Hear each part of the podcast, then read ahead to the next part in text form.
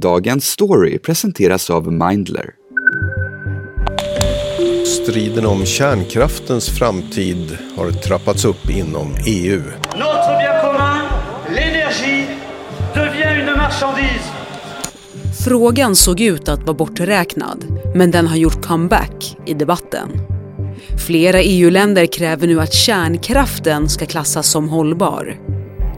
The situation across Europe is serious. 36 million households have been hit by the skyrocketing prices.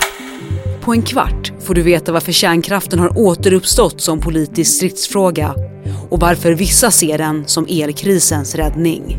énergétique et écologique passe par le nucléaire. Det är måndag den 25 oktober och jag heter Fanny Härgestam. Här är dagens story från Svenska Dagbladet.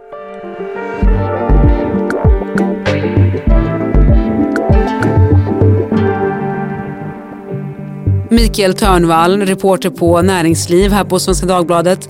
Du har ju varit med och pratat kärnkraft i podden förut, det allra första avsnittet här. Visst är det så? Så kan det vara, men det är ju ett ämne som är som engagerar i alla fall ska vi väl säga. måste börja idag att avveckla kärnkraften och göra en rad åtgärder idag. Annars har vi ingen chans om 25 år. Men Micke, det här med kärnkraften som energikälla.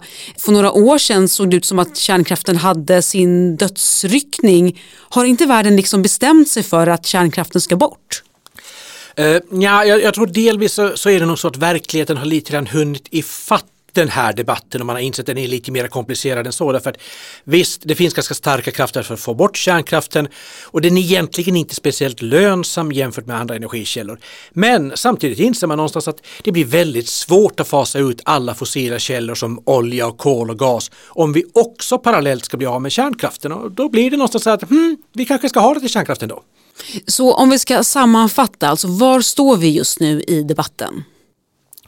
Vi står väl i debatten ungefär så här att eh, man har insett att vi får inte ihop den här snabba omställningen av energisystemen.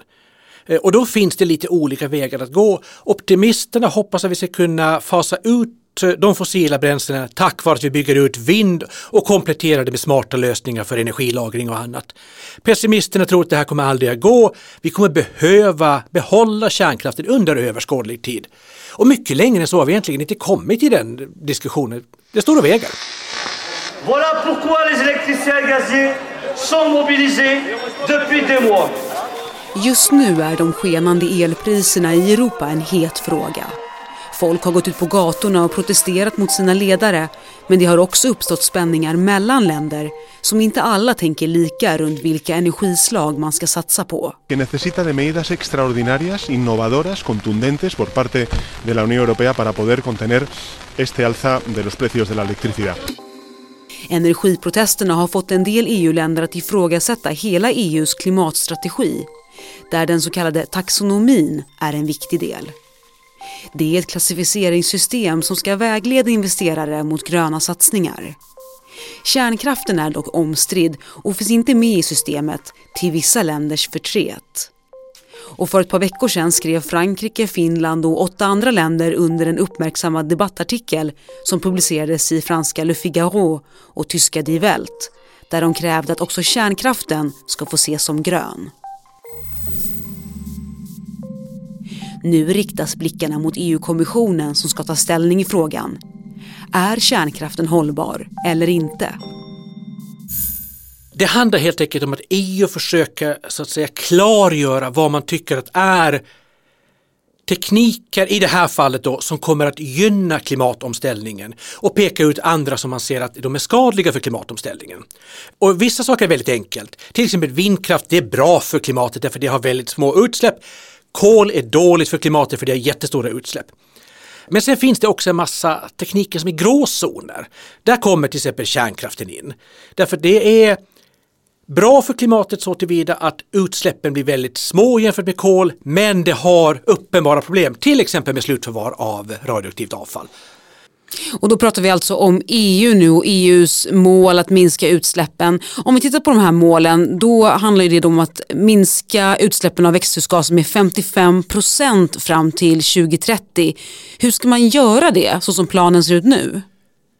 Alltså problemet är just att det finns en massa fina planer, men vi går i fel riktning om jag ska vara helt ärlig. Det kom precis en rapport från Stockholm Environment Institute som har tittat på, istället för att se på löften om minskade koldioxidutsläpp, titta på hur mycket tänker världen producera av olja, kol och gas? Och då visar det sig att ja, men, produktionen går upp det vill säga utsläppen kommer att öka istället för att minska. Så det är ju rätt tydligt att det finns fina ambitioner men man har inte riktigt fått till det ännu. Hur ska det gå till att skapa den här minskningen? Our topic, bleak winter ahead. Who's to blame for Europe's energy crisis? Och det är precis där som den här konflikten kommer om kärnkraft och andra eller då att kommer vi kanske behöva dem ändå för att nå klimatmålen? Och jag vet ju här innan vi började spela in så berättade ju du att du har just varit på möte med energiministern. Vad sa han? Just det, eh, två saker som var ganska intressant. Det här var ju då ett lite informellt snack med journalister helt enkelt där eh, energiministern vill ge sin bild av så säga, vart vi är på väg. En väldigt tydligt som jag tycker intryck när man lyssnar på honom och på många andra socialdemokrater är ju att de tror nog att vi kommer behöva kärnkraft under överskådlig tid, alltså minst fram till 2040 och kanske längre än så till och med. Eh, men vi vet ju också att det är stora spänningar i regeringen för Miljöpartiet vill ju avveckla kärnkraften så fort som möjligt. Men det finns starka krafter för att behålla kärnkraften. Och diskussionen om kärnkraft har ju nu beskrivits som en boxningsmatch mellan två tungvikter i EU. I en hörna Tyskland och i den andra Frankrike. Alltså hur då? Ja men det är ju här det blir så komplicerat och man verkligen visar det därför att eh, någonstans är det så att alla har förstått att vi måste göra kompromisser och vi måste välja mindre bra alternativ för att nå målet. Och då har vi då i ena ringhörnan så att säga står Frankrike som har sagt det att vi kör med kärnkraft därför det är en fossilfri energikälla som gör att vi ganska snabbt kan bli av med koldioxidutsläppen. Och sen har vi å andra sidan Tyskland som har sagt att nej, efter Fukushima så vill vi inte längre ha kärnkraft. Och så får de liksom inte riktigt ihop det här med att eh, samtidigt då gå över till en helt grön energiförsörjning. Och de har sagt mm, lite naturgas kan vi acceptera för det har i och för sig utsläpp av koldioxid men de utsläppen är betydligt mindre än från när du eldar kol. Eh, så där får vi så konflikten. Ska vi ta det dåliga i, som kärnkraften för med sig eller ska vi acceptera det dåliga som gasen för med sig?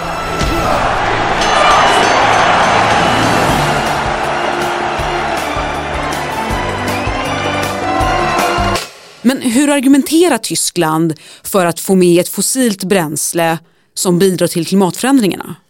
Ja, man kan säga att eh, de tycker att det är ett mindre dåligt alternativ. Man brukar prata om gas som en brygga mot ett helt fossilfritt samhälle. Och då är tanken så här ungefär att eftersom vi idag inte har tekniken för att helt byta ut kol med helt fossilfria källor. Då tar man gas istället som har ungefär hälften så stora utsläpp som kol per producerad megawattimme och kör det ett tag, då minskar man utsläppen lite grann. Kritikerna till det här säger naturligtvis att mm, det kan väl vara bättre. Men det blir fortfarande så att om vi tillåter att gas är med i taxonomin, då bygger vi fast oss i ett, vad som faktiskt ändå är ett fossilberoende. Så det, de flesta skulle nog säga att det är ingen långsiktig lösning. Och när det gäller marknaden då Micke, alltså hur stort är intresset bland företag att investera i kärnkraft idag? Eh, det är ganska litet ändå just nu och det beror ju på att med de allt större säkerhetskraven så har det visat sig bli väldigt dyrt att bygga ny kärnkraft i Europa. Sen är det en annan sak att det finns fortfarande ett intresse att driva kvar gamla kärnkraftverk ska komma ihåg. För det är ju mycket mer lönsamt än att bygga ett helt nytt kärnkraft och försöka tjäna de pengarna. Så man måste hålla isär det att det är lönsamt att hålla liv i gamla kärnkraftverk men det är förmodligen inte lönsamt att bygga nya som det ser ut just nu. Och det är snart bara åtta år kvar för att uppnå EU-målen. Kommer vi lyckas med det? Alltså jag önskar att jag kunde säga någonting att, i stil med att ja, det beror på, vi har fortfarande möjlighet och så vidare. Men vi är nog mer och mer mot det att det här 1,5 graders målet att vi ska hålla den globala uppvärmningen inom 1,5 grader. Vilket kräver att vi väldigt snabbt får ner utsläppen. Det börjar se väldigt problematiskt ut. Eh, däremot så verkar de flesta experter tro att hålla uppvärmningen inom två grader, det är fortfarande realistiskt. Europa har i dagsläget drygt 100 kärnkraftverk. Utspridda i olika länder, men de flesta finns i Frankrike. Tillsammans står de för ungefär en fjärdedel av EUs el. I Sverige har vi sex reaktorer i drift som alla är från 70 och 80-talet. Vad tycker du egentligen om det här med folkomröstningen?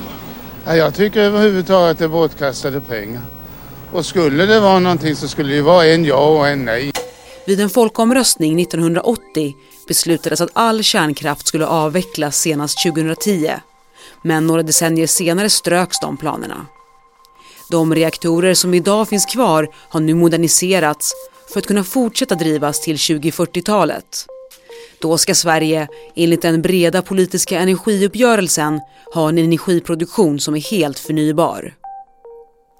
Uppropet som Frankrike, Finland och ytterligare åtta länder skrev på för att EU ska grönklassa kärnkraften valde Sverige att inte skriva under.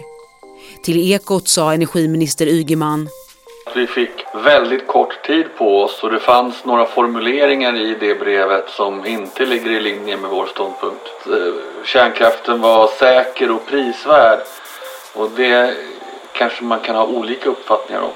Så vilken ställning kommer Sverige då ta i den stora kärnkraftsdebatten inom EU?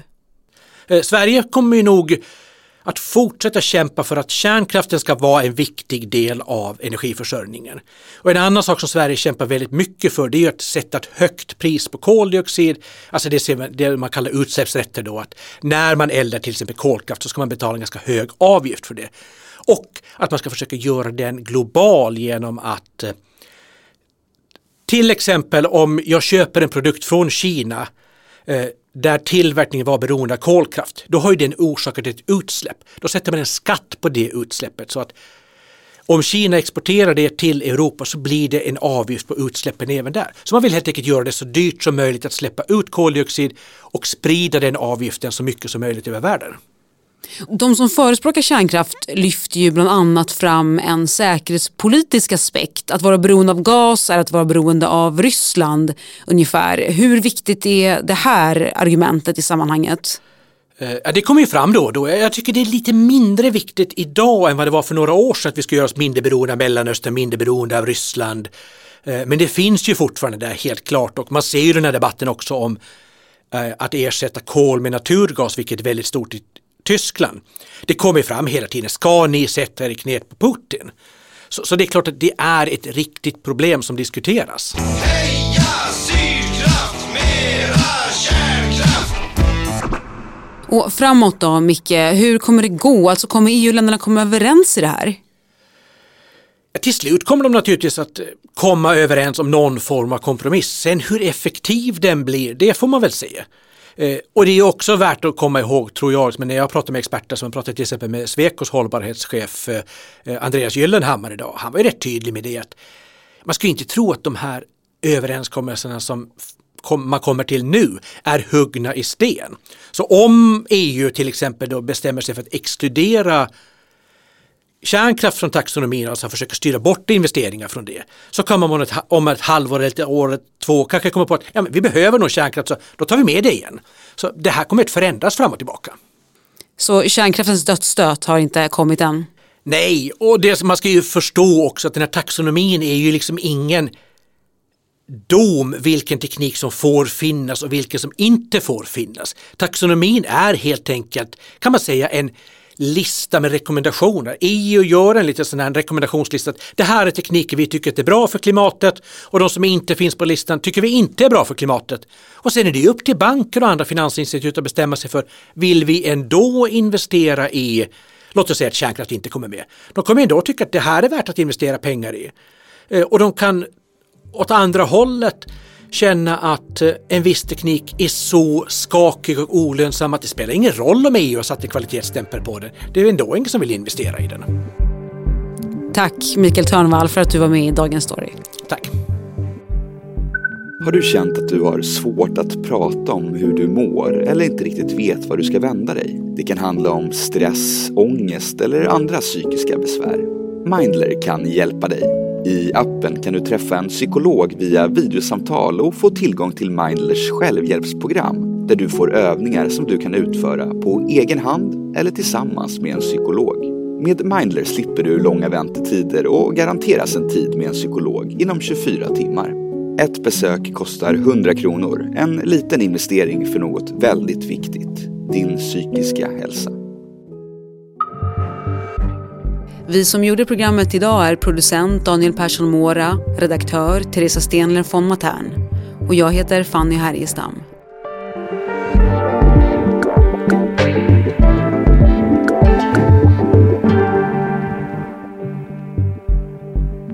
Du har lyssnat på Dagens Story från Svenska Dagbladet.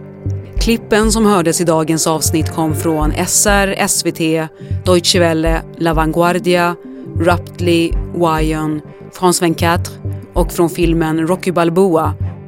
Musiken som spelades var Eddie Medusas Mera kärnkraft.